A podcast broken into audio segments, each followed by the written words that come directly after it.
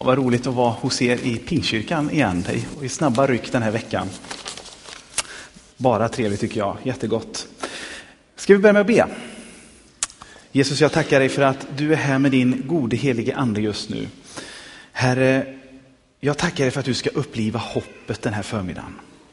Herre, där det känns så mörkt och skakigt över jorden just nu, Herre, så ber jag att ditt hopp ska lysa ljust och klart, Herre. Och att ditt ord ska få skapa tro i våra hjärtan den här förmiddagen. Jesus, vi tackar att du har koll på läget. Du är hela jordens och skapelsens konung.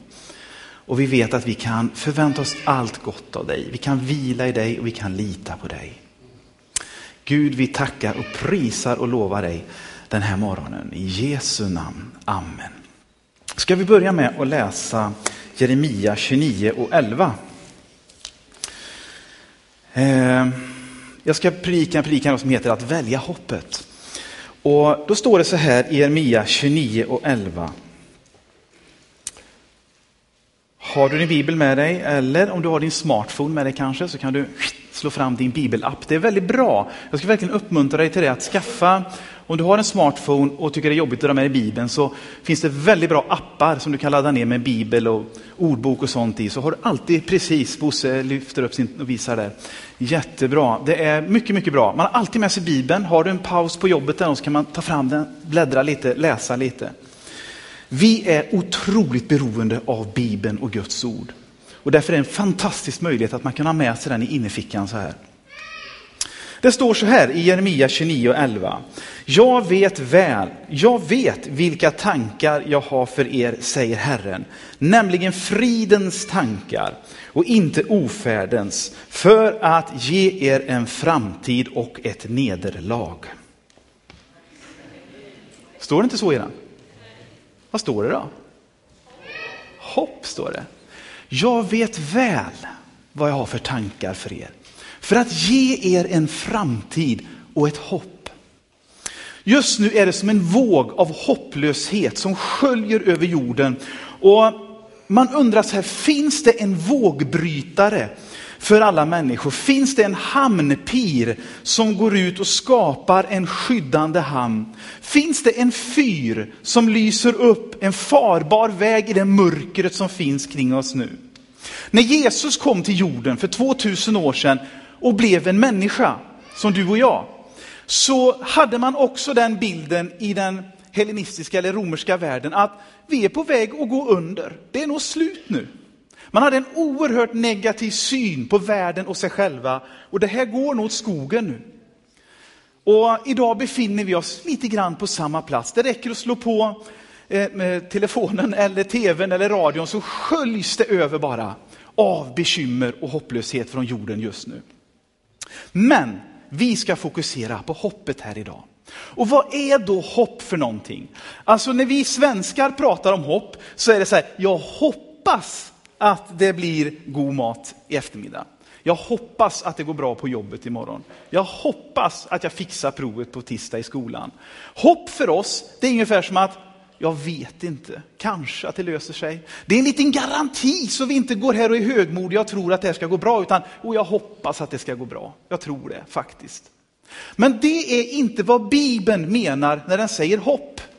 Det är inte ett annat ord för att vara osäker på om det här kommer att funka. Det är inte vad Bibeln menar när den talar om hopp. Hopp enligt Bibeln, det är att vänta på någonting gott och ha skäl till att vänta på det här. Det finns en orsak till att du kan vänta dig det här goda. Det är som när du ser julklapparna under granen och det står ditt namn på paketen så vet du, den där är till mig. Skaka lite när ingen annan ser, lyssna lite, känna så här. Eller när du står i korvmojen och korvmojstanten steker din 150 grams hamburgare så vet du, du har gott hopp om att den där som luktar och fräser så gott där inne, den ligger snart i min mage. Det här blir gott. Det är hoppet. Du vet att det där är adresserat till dig. Du vet att det där har någon gjort i ordning åt dig personligen. Det andra är att hopp enligt Bibeln är inte i första hand en känsla. Utan Hoppet har i sig förmågan att skapa goda och positiva känslor i dig. Så du behöver inte vara bekymrad om du känner, men jag känner inte så väldigt mycket att det här kommer att funka. Jag känner inte att jag har något hopp för framtiden. Det finns en mycket djupare tydlighet i Bibelns definition av hopp. För det är grundat på en faktisk visshet som går långt bortom dina och mina möjligheter. Vad sa Jeremia 29.11? Jag vet väl vilka tankar jag har för er, säger Gud. Har Gud koll på sina tankar tror du? Har Gud koll på sina tankar? Ja. För att ge dig och mig en framtid och ett hopp. Där i är vårt hopp grundat. Inte i en känsla. Som människa så kommer jag att predika om någonting idag. Att du har en enastående möjlighet att få välja till hopp till ditt liv. Det här kommer du och jag få göra aktivt många gånger under vår livsvandring. Aktivt välja att hoppas och ta emot det som skapar hopp i våra liv. Och vi ska titta på tre punkter som konkret ger oss den möjligheten. Det, andra, eller det fjärde om det, hoppet enligt Bibeln, det är att det kristna hoppet är i grunden två saker. Det ena är eskatologiskt, säger man med ett fint ord. Det är det vi väntar på i framtiden. Vi hoppas på att Gud kommer att återlösa hela skapelsen. Och vi kommer ha en evighet tillsammans med Gud, där ingen sjukdom, ingen död, inget lidande, ingen skilsmässa mer kommer att finnas. Det är det grundläggande hoppet som kristen har. Men det finns ytterligare en dimension i hoppet som en kristen människa kan ha. Och det är hoppet om Guds löften här och nu, idag, mitt i vår vardag 2011 i Lidköping. Grundläggande, min vän, så vilar hoppet på nåden, tron och löftena. Nåd, vet du vad det är? Det är att Gud vet allt om dig och mig minsta detalj. Men kommer aldrig behandla oss som vi förtjänar. Kommer alltid behandla oss utifrån vad Jesus har gjort för dig och mig. Det är nåden. Han vet allt om dig och mig. Vi är helt exposed, blottade inför honom. Och ändå säger han, jag älskar dig. Jag kommer att behandla dig som det dyrbaraste jag äger.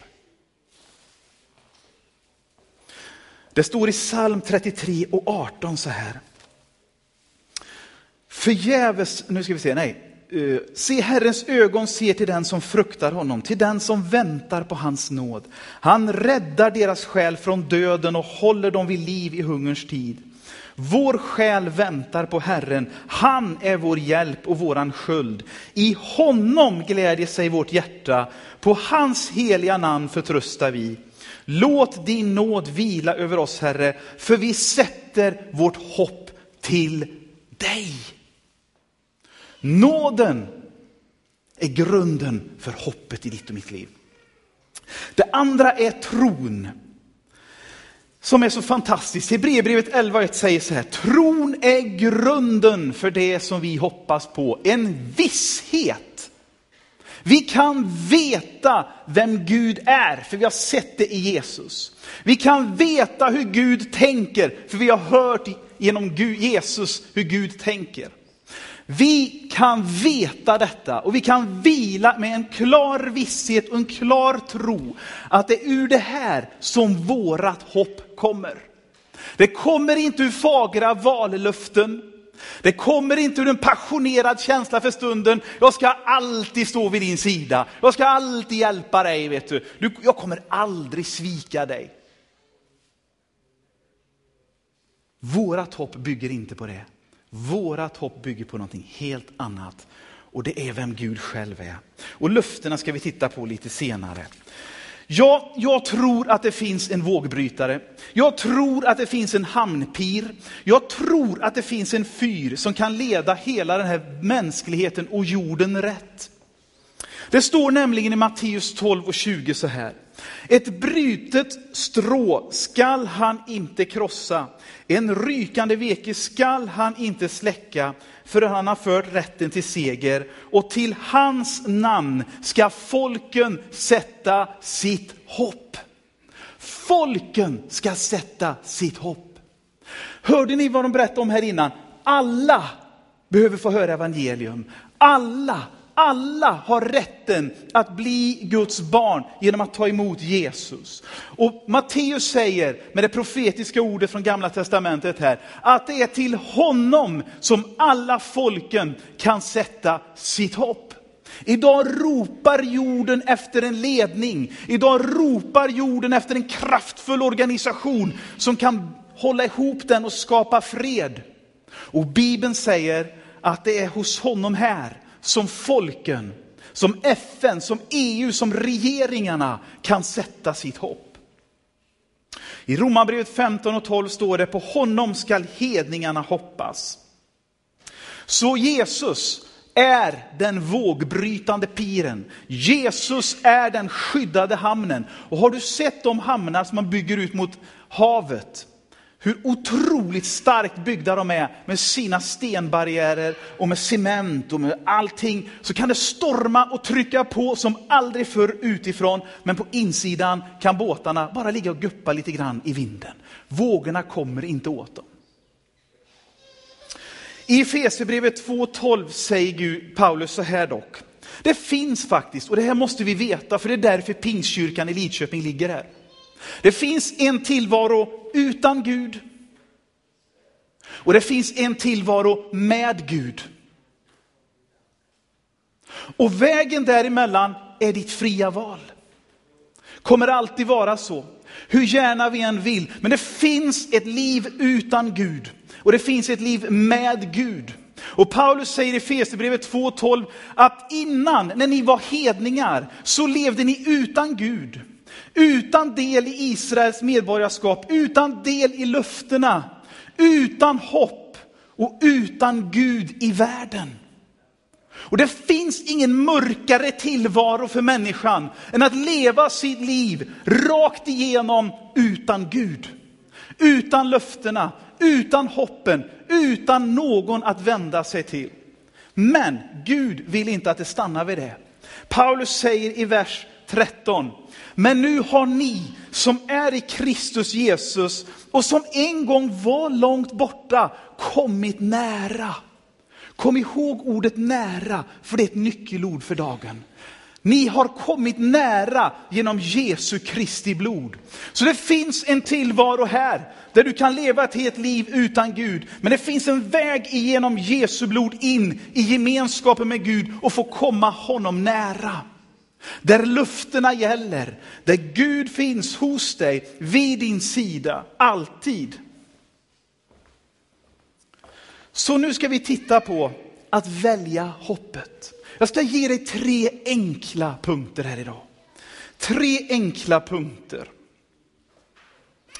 Så som sagt, att välja hoppet är ett aktivt val, men det blir också en effekt av det val du gör. För när du säger så här idag, Gud, jag vill tro på dig. Eller Gud, hjälp mig med det här. Eller Gud, nu tar jag dina löften som ditt ord säger om läkedom, eller om beskydd, eller om hjälp, eller om vägledning. Och så gör jag dem till mina, jag tar dem till mig. Så vaknar någonting, ett hopp inom dig som är förankrat långt bortanför Riksbanken och EUs bank. Det är förankrat i himlen. Och det första vi ska titta på idag, det är välj Jesus. Ett tips från coachen här idag. Välj Jesus. Vi går till första Petri brev 1 och 3. Första Petri brev 1 och 3. Den första punkten, välj Jesus. Och jag ska säga det min vän, gång på gång måste jag i mitt liv välja att gå tillbaka till ordet, läsa löftena, gå till Jesus varje dag med saker och ting, umgås med Gud varje dag för att säga, du det här får jag ingen ordning på. Det här har jag tappat hoppet i. Gud, jag vet inte vad jag är på väg med det här. Gång på gång kommer du på din kristna vandring få gå tillbaka. Men skillnaden är att här stod du utan Gud. Här, genom Jesu blod, är du med Gud. Och Gud sa, jag vet väl vilka tankar jag har för dig. Jag har koll på läget. Välsignad är vår Herre Jesu Kristi Gud och Fader. I sin stora barmhärtighet har han genom Jesu Kristi uppståndelse från de döda fött oss på nytt till ett levande hopp. Till ett arv som aldrig kan förstöras, fläckas eller vissna, som är förvarat åt er i himmelen. Du har ett värdesäkrat arv i himmelen. Idag funderar man på, sa de på radion, vad ska vi göra med världens ekonomi? Ska vi säkra det mot guldet igen? Eller ska vi säkra det, som någon gubbe hade en idé, mot tio dyrbara varor som alla i hela världen kan säga, det där vill vi äga och ha, det kan vi betala för. Är det där vi ska säkra vår ekonomi? Nu finns något ännu djupare för dig här idag som väljer att tro på Jesus. Ett värdesäkrat arv i himmelen. Där ingenting kan förstöra det. Så, ditt aktiva val att ta emot Jesus gör att du föds in i ett levande hopp. Det är någonting som är verksamt här och nu i ditt liv. Det andra är att alla Guds luften, säger Paulus i första Korinthierbrevet, har fått sitt ja och amen genom Jesus Kristus. Så han som du tar emot, han är själva garanten för att alla de löftena som Gud har gett i sitt ord här är ja och amen till ditt liv. Det är att födas in i ett levande hopp. Det är att veta att Gud håller ingenting emot dig när du kommer till honom. Det kan finnas saker vi behöver göra upp med i vår relation inför Gud och inför människor. Men Gud kommer aldrig säga, nej, inte för dig min vän, tyvärr. Det gäller alla andra, men inte dig. Du är inte tillräckligt religiös, du är inte tillräckligt smart, du är inte tillräckligt duktig, du är inte tillräckligt ren, du är inte tillräckligt bra. Så säger inte Bibeln. Bibeln säger att alla Guds löften har sitt ja och amen i Jesus Kristus. Så när en människa i Lidköping tar beslutet att gå från utanförskapet i Gud till innanförskapet hos Gud, så byts hela hennes verklighet ut mot ett spektra av fullbordade löften i Jesus Kristus. Ett spektra av möjligheter, ett levande hopp som som säger att även om ekonomin i världen rasar, även om det rasar krig och elände över vår jord, så står ett löfte kvar och det är att vi har ett hopp som är bevarat i himmelen hos Jesus Kristus. Och där utifrån kommer alla löften som Gud har för ditt liv att fullbordas i den här tiden och i den kommande tiden.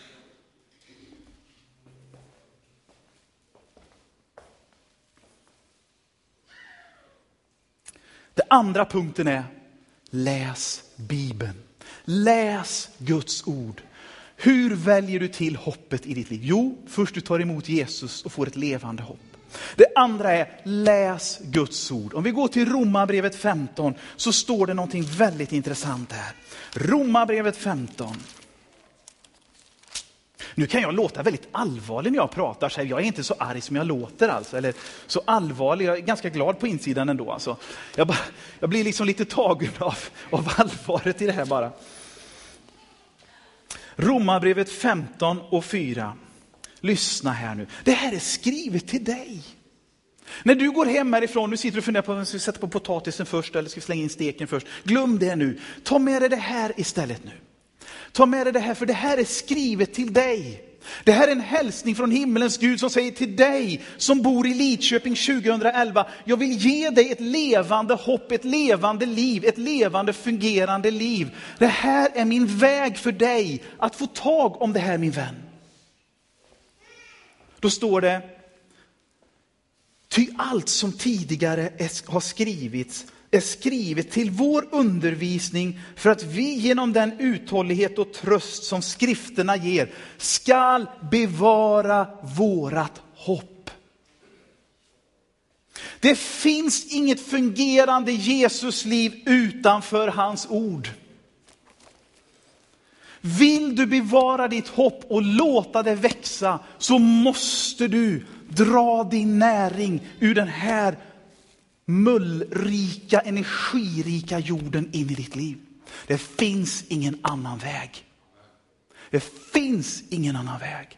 Det är det här som är mat för din själ. Det är det här som är mat för din familj, för din arbetsplats, för ditt grannskap, för din idrottsförening. Ur här finns all den visdom, all den näring, allt det du behöver för ditt liv. Och Gud vill att du ska återupptäcka det här och börja leva ditt liv utifrån det så att ditt hopp blir bevarat. Vad fyller vi våra liv med? Vad är det som är din näring i livet? Är det dagens information via nätet? Eller är det den roligaste filmen som har kommit nu? Eller den läckraste konserten? Eller hippaste idrottsupplevelsen? Vad är din näring? Allt det där är kul och bra. Men det här är bättre. Det här är djupare. Det här kommer att mätta dig på insidan som någonting annat aldrig kommer att kunna göra. Paulus säger, det är här utifrån som ditt hopp blir bevarat. Det är här utifrån din tro kommer att växa. Det är här utifrån ditt hopp kommer att spira när det känns så mörkt runt omkring. Man är så lättledd va? Står det på löpsedlarna att nu kommer våren, så känns det som livet återkommer, eller hur? Det blev ingen vår, det blev regn. Ah, de hade fel, meteorologerna. Men det är inte så här. Det är inte en tillfällig prognos som slår fel. Det är en beprövad väg som är använd under tusentals år och som har lett miljontals människor hem igen. Den tredje punkten till sist, det är välkomna Gud till en relation med dig själv. Om du går ner några verser i samma kapitel så står det så här.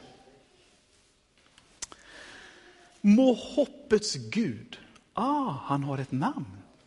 Må hoppets Gud. Det står inte sorgens och svårmodets och eländets Gud. Han som är arg på alla människor och förnekar alla människor all glädje som finns i livet. Ja, men det kan man ju tro när man lyssnar på dig, du låter så väldigt bestämd idag. Ja, lite sådär idag. Du får stå ut med det. Men sån är inte Gud. Titta inte på mig nu, utan titta på Gud nu. Det står hoppets Gud. Det står hoppets Gud. Han har ett namn. Han är hoppets Gud. Han är hoppet för 39 000 invånare i Lidköping. Han är hoppet för dig och mig i eftermiddag när verkligheten trycker på igen. Och hjälp, det där hade jag glömt. Och vad obehagligt det där är. Och hjälp, jag har inte ordning på det där. Han är hoppets Gud. Han är hoppets Gud för dig. Och det står vidare, uppfylla er med all sorg och förtvivlan i tron, så att ni överflödar i hopp. Nej, det står uppfylla er med all glädje och frid i tron, så att ni överflödar i hoppet genom den helige andes kraft. Det här, min vän, är inte en pingstkyrka i första hand. Nej, var är vi nu då? Ni är Missionskyrkan? Nej, jag skojar. Nej, det här, det är en hoppets plats. Därför här finns koncentratet. Människor som tror på denna hoppets Gud och som vill ha en relation med honom. Här läser ni hoppets ord. Här pratar ni om hoppets Gud, här ber ni till hoppets Gud. Det här är en station av hopp mitt i Lidköping. Här kan människor få hopp in i sitt liv igen. Det är dags att vi börjar se de här bänkarna fyllda av Lidköpingsbor som har förstått att det är här man kan få hopp för livet igen. Det är dags att vi ser kristna som i brinnande iver tar med sig sina vänner och bekanta och säger, jag vet en plats där du kan få höra om hoppet. Jag vet en plats där du kan få höra om livet igen. Där du kan få höra om ett fungerande liv tillsammans med en fungerande levande Gud. Det här är inte en liten stilla plats för några stycken som tycker ungefär samma och klär sig ungefär samma och luktar ungefär samma. Det här är en plats samlad, ett koncentrat av människor som har fått tag om att det finns ett hopp i en värld som kan verka vara på nedåtgång. Det här är en hoppets plats. För här talar ni om hoppets Gud.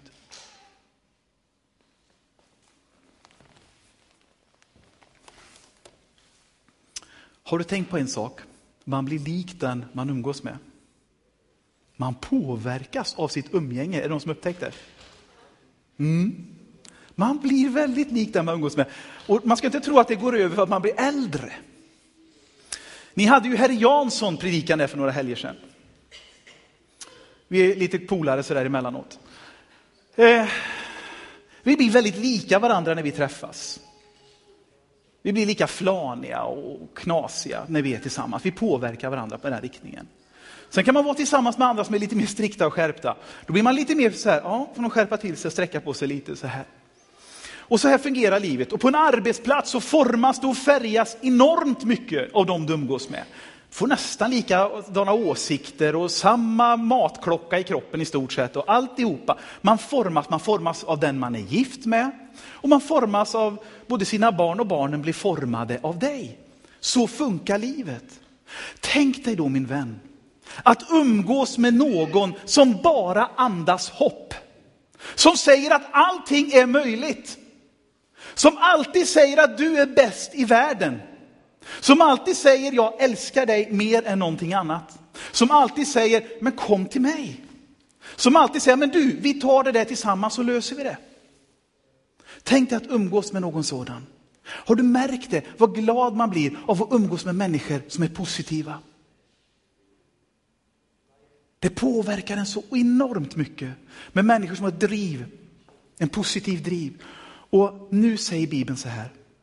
Må hoppets Gud få fylla er tro med frid och glädje. Låta eran hopp överflöda. Därför säger det mig, välj att ha ditt umgänge med Gud. Gör plats i din vardag för att umgås med honom. Umgås med honom så att du blir lik honom. Är kyrkan i Sverige lik sin Gud? Den frågan måste vi ställa oss varje dag. Återspeglar vi våran Gud nu?